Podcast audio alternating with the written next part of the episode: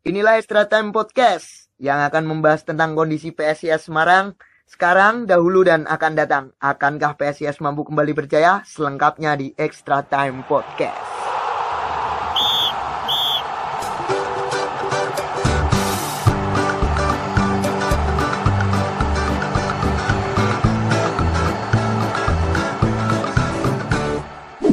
Assalamualaikum warahmatullahi wabarakatuh. Kembali lagi dengan saya di Extra Time Podcast. Uh, masih bersama saya Muhammad Arif Setiawan dan teman saya uh, Maida Ersa yang ya, halo halo halo yang kemarin nemeni di podcast sebelumnya. Uh, kali ini uh, kita akan bahas beberapa segmen-segmen baru sih walaupun masih di podcast masih uh, seputar PSIS Semarang dan Liga Indonesia tentunya.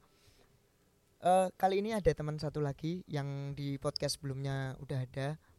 Uh, mari saya perkenalkan kembali. Uh, saya sapa dulu Mas Bani. Oke, selamat malam. Ya, malam Karena juga. tappingnya malam hari soalnya. Ya, malam. Uh, ini sekarang kita nggak di studio. Kemarin kan kita di studio, Mas. Sekarang kita tappingnya di luar di luar karena ya masa pandemi kita karena kalau di studio kita udah nggak bisa ke studio jadi tappingnya di luar. Walaupun masih tetap memenuhi protokol kan kita jaga jarak masih tetap pakai masker juga. Uh, oke kali ini kita mau bahas nggak jadinya Liga Indonesia yang memang uh, dari uh, keputusan PSSI yang dari Kapolri menyatakan tidak bisa digelar. Uh, mari kita bahas kali ini. Uh, bagaimana Mas Maida pendapatnya? Uh, kok memang benar-benar tepat sama prediksi kita? kita ya, ya, jadi ya? Ya nggak jadi emang sebenarnya belum tepat sepenuhnya sih maunya kita kan emang berhenti kan. Dan ya. ini tuh cuma ditunda selama sebulan dan masih nunggu berarti ini masih, masih nunggu, nunggu keputusan iya, lagi ya kembali ya. Nunggu. Jadi sebulan ke depan tuh bakal ada keputusan baru apakah liga emang jalan atau berhenti. Tapi menurutku mending emang berhenti sih dan ngadain kayak semacam home turnamen buat ngobatin kangennya para supporter eh, melihat iya sih, tim kebanggaan karena biar sih. biar biar ada hiburan juga yeah, sih kan. Yeah. karena memang benar-benar supporter sekarang memang merasa di merugikan karena memang hiburannya lagi di stop. Iya, yeah, lagi yeah. stop. Menurut Mas Bani gimana nih Mas Bani?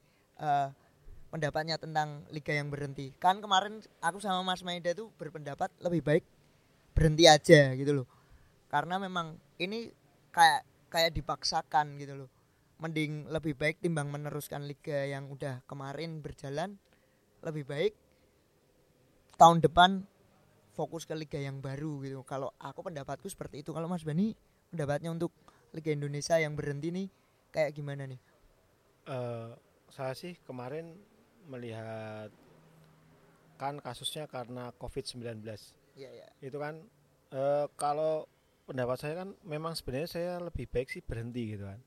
Soalnya uh, kondisinya itu kayak masih abu-abu dan belum bisa dipastikan apakah akan baik-baik saja enggak gitu kan kita bolehlah ber beropini atau beralasan itu kan tanpa penonton gitu kan yeah. oke tanpa penonton tapi, tapi kan maksudnya banyak protokol kesehatan yang masih uh, uh. itu masih banyak banget kalau di Liga Indonesia yang masih belum siap menurut saya Mas Maidel juga kemarin bilang juga kalau dibandingin dari luar negeri yang udah jalan tuh hmm. kita masih tertinggal sangat jauh gitu. betul sekali jauh banget kita karena mungkin kalau luar negeri oke okay lah mereka dibilangi ya pak dikasih tahu ah, tanpa penonton oke okay, nggak akan ada kerumunan di stadion. Tapi kalau di kita kultur kita apakah akan seperti itu gitu kan? Tahu sendiri jauh-jauh hari persebaya lawan PSSC tanpa penonton. Tapi kenyataan di lapangan kan sangat berbeda sekali. Iya nah, itu kan mungkin pada datang ya supporternya ya. Nah, seperti itu. Jadi ya memang apa namanya kultur kita itu memang susah kita bilang ya, itu. Sebenarnya iya susah sih. gitu untuk kesehatan. Uh, kan ini udah dibahas nih karena memang benar-benar nggak jalan nih. Kalau pendapatnya Mas Maida sama Mas Bani ini gimana? Uh, solusinya apa? Kalau Mas Maida tadi kan berpendapat lebih baik kalau buat ngobatin kangennya teman-teman supporter dan teman-teman sep- seperti kita ya diadain home turnamen atau apa atau eh, tur- turnamen beberapa klub gitu kan sudah lumayan kan untuk mengobati rasa rindu. Iya, iya. Ya maksud dari home turnamen itu sebenarnya bisa buat simulasi sebelum liga berjalan ya. Apakah emang dengan adanya home turnamen tuh supporter tuh pada udah sadar emang emang kita tuh lagi ngadepin pandemi dan dengan protokol-protokol yang digunakan di misalnya jadi home turnamen itu tuh mereka pada aware apa enggak soal bahaya pandemi ini harusnya kan kalau emang itu udah oke nggak ada masalah liga sih ya menurutku tetap berhenti tapi mulai dengan season baru sih Ya season baru ya. Maksudnya kalau kita menjalankan home turnamen seenggaknya bisa jadi percontohan kan. ya ya ya ya Nah, kalau menurut Mas Bani sendiri gimana Mas? Setuju nggak kalau adanya home turnamen atau eh maksudnya beberapa turnamen lokal lah atau uji coba atau apalah untuk ya pendapatan klub biar ada pemasukan walaupun eh, sedikit atau hak siar gitu atau dari sponsorship juga gitu kan. Bisa masuk juga. Eh, itu kan kalau menurutku ya menurutku itu kan kenapa ini dilanjutkan kembali gitu loh. Aku tuh mendengarnya itu kenapa dilanjutkan kembali? Dengar-dengar itu entah benar atau enggak saya juga nggak tahu. Itu kan masalah hak siar. Oh masalah hak siar. Jadi jadi katanya itu udah kontrak dari awalnya gitu. Ah, katanya itu misalkan saya sudah mengeluarkan uang segini dapat sekian puluh apa sekian ratus pertandingan tapi baru ini gitu loh. Makanya kan mengejar jumlah pertandingannya itu. Oh iya maksudnya saya ke- kemarin kan cuman baru tiga tiga Ah. pertandingan.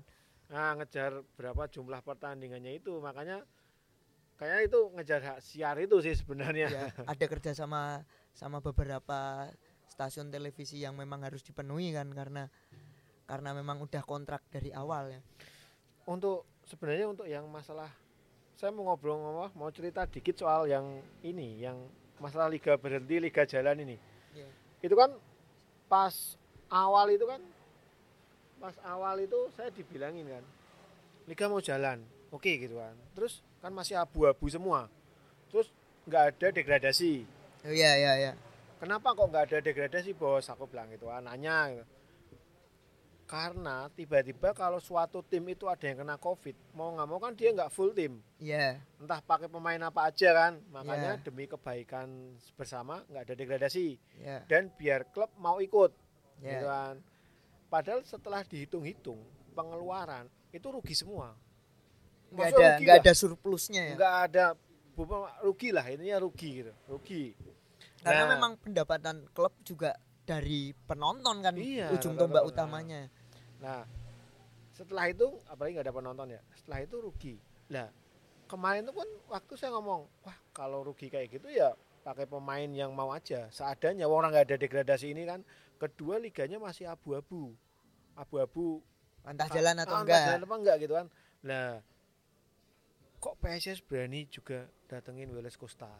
masih tetap pakai Oh, pemain-pemain dat- asing Mau datengin datengin itu kan saya kaget juga. Wah, kalau boso Semarang itu kalau boso Jawa ini kan kok kendelmen kan ngono kan. ya berani Dalam- sekali ya Ah, dalam suasana kayak gini gitu loh.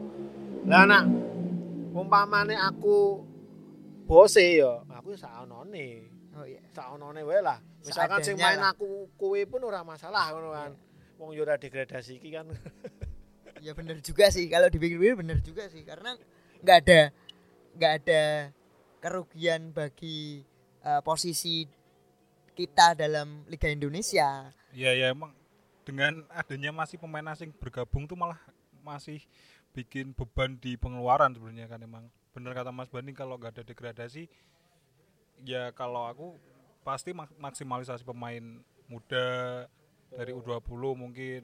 Pemain-pemain muda ya bibit-bibit Hmm, yang bibit-bibit. memang memang butuh jam terbang yang tinggi. Ya apalagi kan PSS ini lagi dikenal nih so- dengan The Young Guns Liga 1 lah bisa ya dikatakan. karena beberapa pemainnya ya masuk ke timnas ya. ya kalau di rata-rata bahkan nggak sampai rata-rata pemain tuh nggak sampai 30 tahun mungkin. Oh ya. Pemain di atas umur 30 tuh ada beberapa ada tapi berapa nggak nggak tapi nggak banyak nggak kan. banyak gitu. Ya. Ya setelah tahu dari beberapa pendapat teman saya nih mendingan liganya tetap aja nggak usah jalan Eh, kalau kalau gitu bahas yang lain aja deh ini kan lagi musimnya di rumah lagi musim main game kan Iya ya. ya Apa sih hiburannya Apa buat sih? pengganti pengganti kalau nggak bisa ya emang kita kecewa sih nggak nggak ada pertandingan dan liga berhenti. Jadi alternatifnya apa sih buat nonton hiburan yang pas di kala pandemi kayak gini tuh?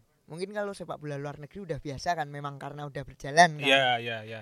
Nah, ini kan ini kita denger-dengar eh, apa memang udah jalan nih ada I Feel ID Indonesia Football Esport League ya Iya iya. yang baru yang baru tahun ini digelar nih.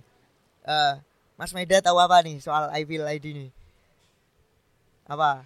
Dari kan saya tahunya sih cuman eh, PSIS ngeluarin apa ada pemain e-sportnya yang dari PSIS itu namanya Setia Widianto ya. Iya, Setia Widianto Ya. mewakili dari PSIS PSIS Semarang. Iya, PSIS Semarang. Kalau aku dari baca di profilingnya sih memang dia pemain pro dari PES atau pro FIFA dan PES kan dari Hmm. e-sport memang benar-benar e-sport. Tapi saya masih bingung sistemnya ini seperti apa gitu loh. Jadi kalau saya baca sih eh, ada kualifikasi di awal tapi kok yang main kok nggak dari klub-klub sendiri mem- memang mewakili tapi memang dipilihin dari dari beberapa pro player gitu loh. Ini gimana nih Mas Maida nih? Mungkin secara teknis gimana itu kualifikasi saya juga ku- kurang tahu karena dilihat dari pesertanya pun sebenarnya masih 10 tim Liga 1 yang ikutan ya. Eh, nggak nggak full tim Nggak. nggak full tim ada 18 klub Iya, ikut semua. Iya ya emang karena pertimbangannya sih emang Ini masih mencoba mungkin ya. ingin mencoba dan event ini tuh Masih belum diperkenalkan kan belum. belum rekomendasi langsung dari PSSI. Dari Jadi PSSI. emang turnamennya Ini berarti turnamen memang di luar PSSI. di luar PSSI. Oh. Mungkin itu pertimbangan dari klub-klub lain apa nggak bisa nggak urung untuk bergabung lah intinya gitu lah. Ya mungkin karena unsur kedekatan untuk menarik simpati juga dari dari supporter atau dari penggemar sepak bola Indonesia sih mungkin Mm-mm. ke dalam masa pandemi ini.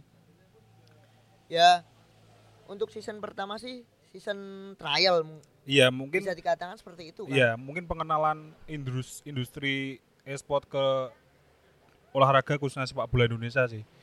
Mereka pengen cek ombak dulu gimana antusias para supporter, gimana gimana supporter aware sama dunia e-sport. Ya, mungkin seperti itu. Mas Bani tahu apa nih soal e-sport? Iya, Mas e-sport? Bani tahu Nah, apa atau soal E-sport itu apa kalau menurut Mas Bani? atau soal game-game yang dimainin anak muda jam sekarang mungkin kan kalau zaman Mas Bani belum ada ya kayaknya model yang kayak gini. Aku ketika datang ke sini nanya komeng kamu, Meng, apa temanya sesuk? "Ih, Anu, apa e-sport itu loh yang main PS online tuh mati aku, aku ora ngerti apa-apa aku bilang gitu. dulu tahunnya dulu PS1 ya. Ya, masih winning eleven. Nah, itu Roberto 11. Carlos kita jadikan striker. Nah, Menyalahi aturan pelatih sebenarnya Roberto Carlos jadi striker. Menyalahi aturan out of the box. Tahunya gitu Roberto. Soalnya larinya kenceng, shootingnya keras. Wah.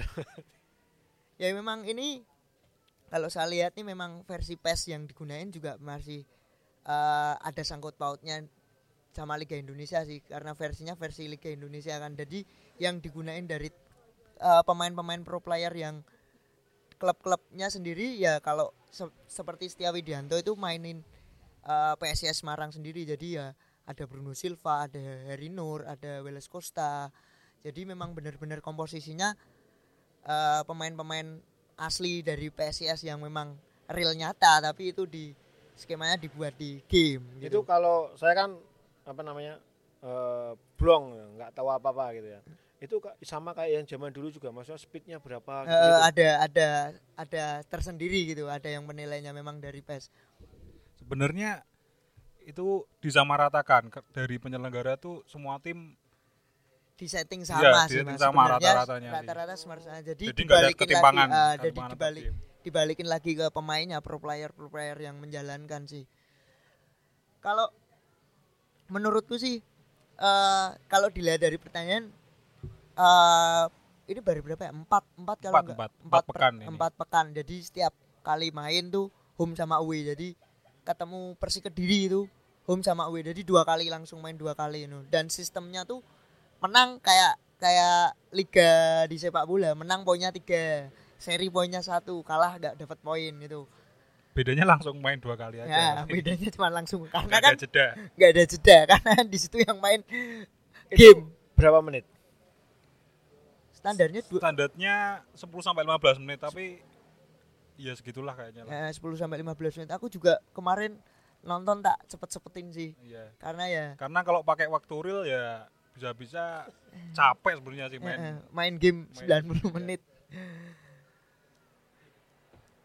eh gini ya e-sport kan zaman sekarang emang lagi in kan lagi in memang tapi menurutku eh ini belum sepenuhnya eh, mencangkup buat teman-teman yang penggemar sepak bola di zaman sekarang buat aware sih karena Iya, iya. gamenya game game versi online dan dan ini yang main mungkin masih pro player dan banyak juga mungkin teman-teman yang eh di luar sana pengen ikutan gitu loh. Jadi eh apa ya antusiasnya sekarang masih masih kayaknya agak kurang karena Iya, masih iya. peng- pengenalan sih.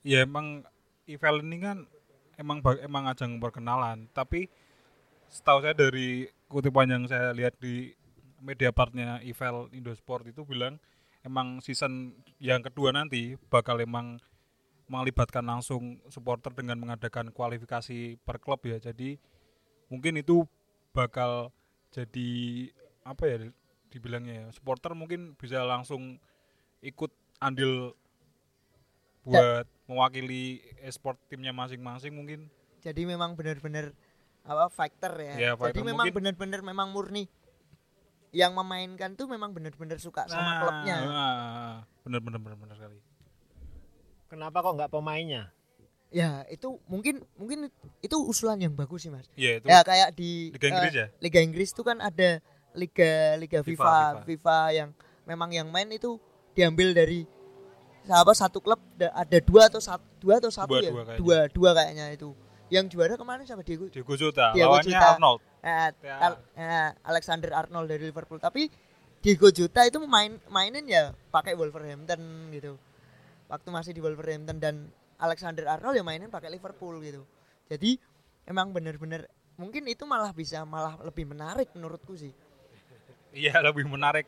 Karena karena kan kita nggak pernah tahu ah sebenarnya pemain tuh hobi ngegame juga nggak sih oh kan? iya iya iya. Bisa sih bisa sih kan kalau dilihat kan kayaknya juga banyak yang update eh, dari beberapa pemain update juga sedang main game gitu kan. Hmm, apalagi di masa pa- latihan. masa pandemi kemarin kan. Aku lihat kemarin sama Bruno Silva kayaknya kan dia main game juga Iya kemarin. main game main game. Main PES juga dia. Lumayan itu kalau buat untuk menarik eh, simpatisan eh, teman-teman buat eh, apa aware terhadap peduli terhadap e-sport gitu loh kan. Kita juga masih banyak banget yang masih awam terhadap e-sport. E-sport ya kebanyakan taunya kalau di kalangan anak muda zaman sekarang ya mainnya PUBG Mobile. PUBG, Bigetron. Eh, terus apa? Dota. Ya, Dota, masih ML Mobile Legend gitu. Kalau ini saya kan awam banget. Kalau untuk menarik sponsor dari situ tuh banyak. Banyak juga mas. Bisa marketnya itu marketnya mungkin bisa bisa juga. Long eh, di luar negeri aja mas bisa masuk industri perjudian juga eh, beberapa e-sport sih.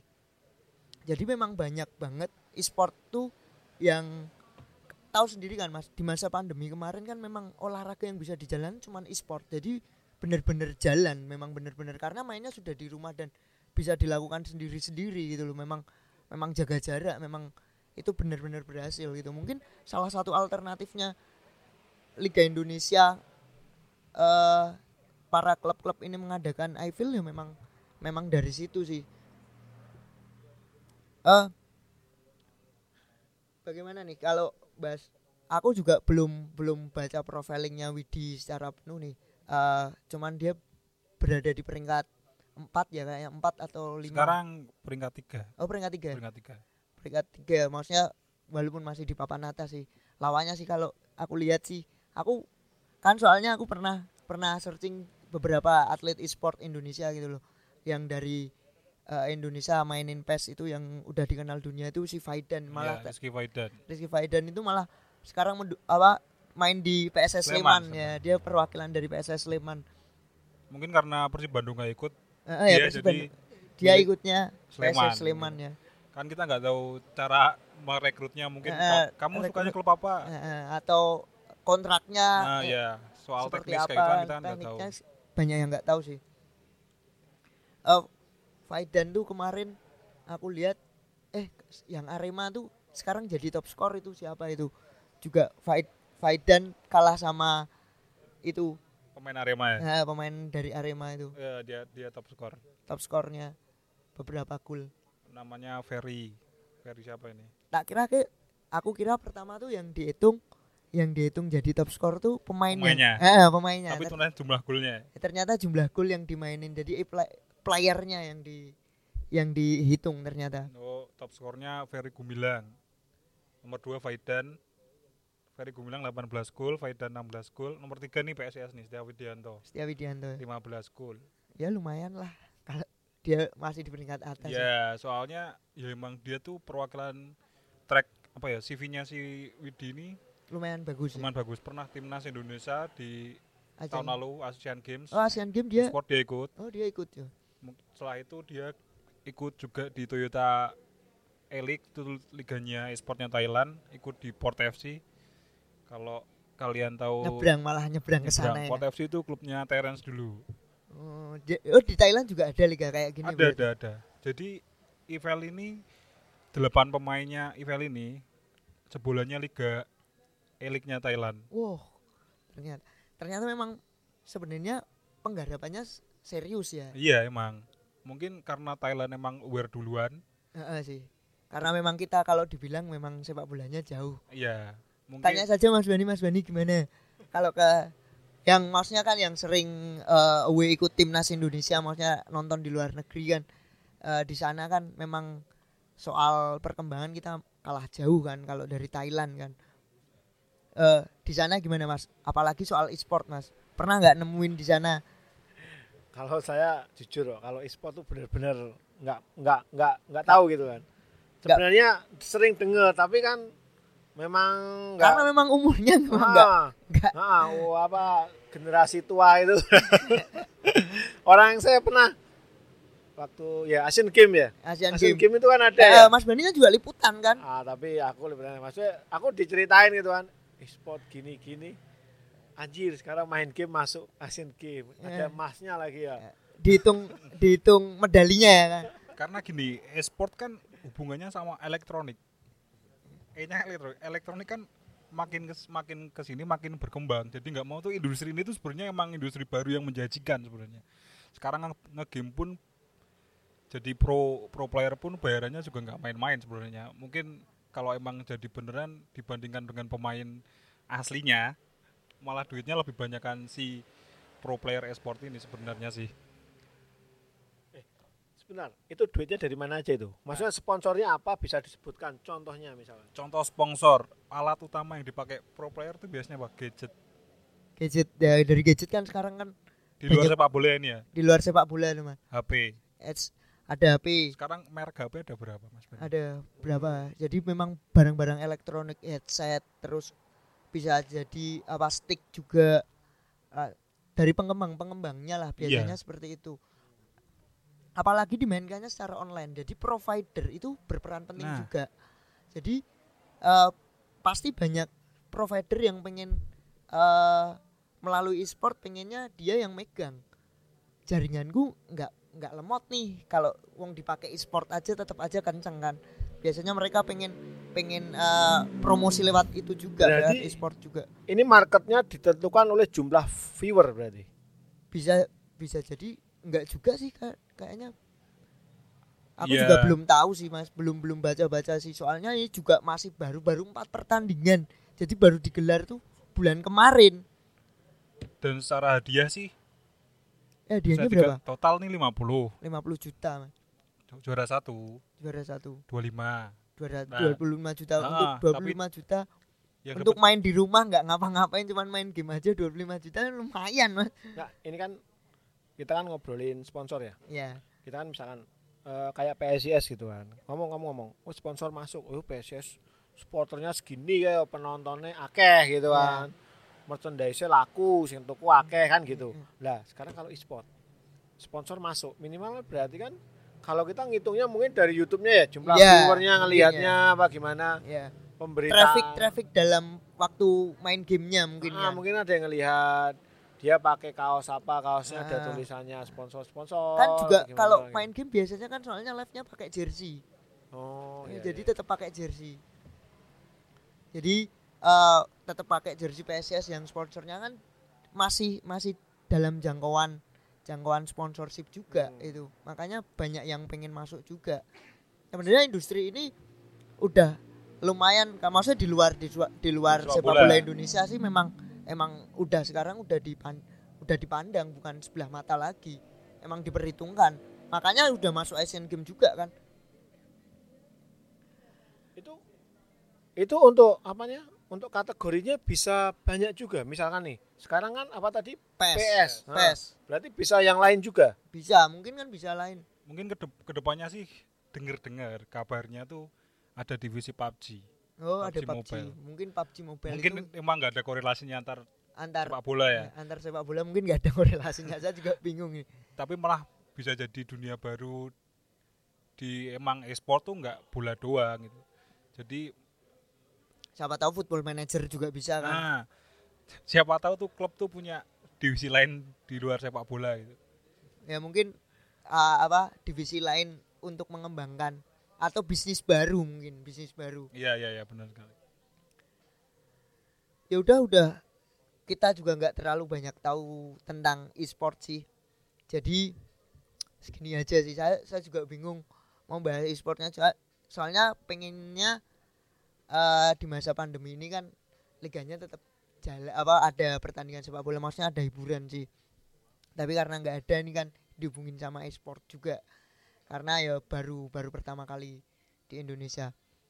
Gimana Mas Maida ada tambahan? Atau eh, atau tem- teman-teman yang mendengarkan eh, ngasih masukan besok temanya apa? Karena ini kan bener-bener liga nggak jalan nih.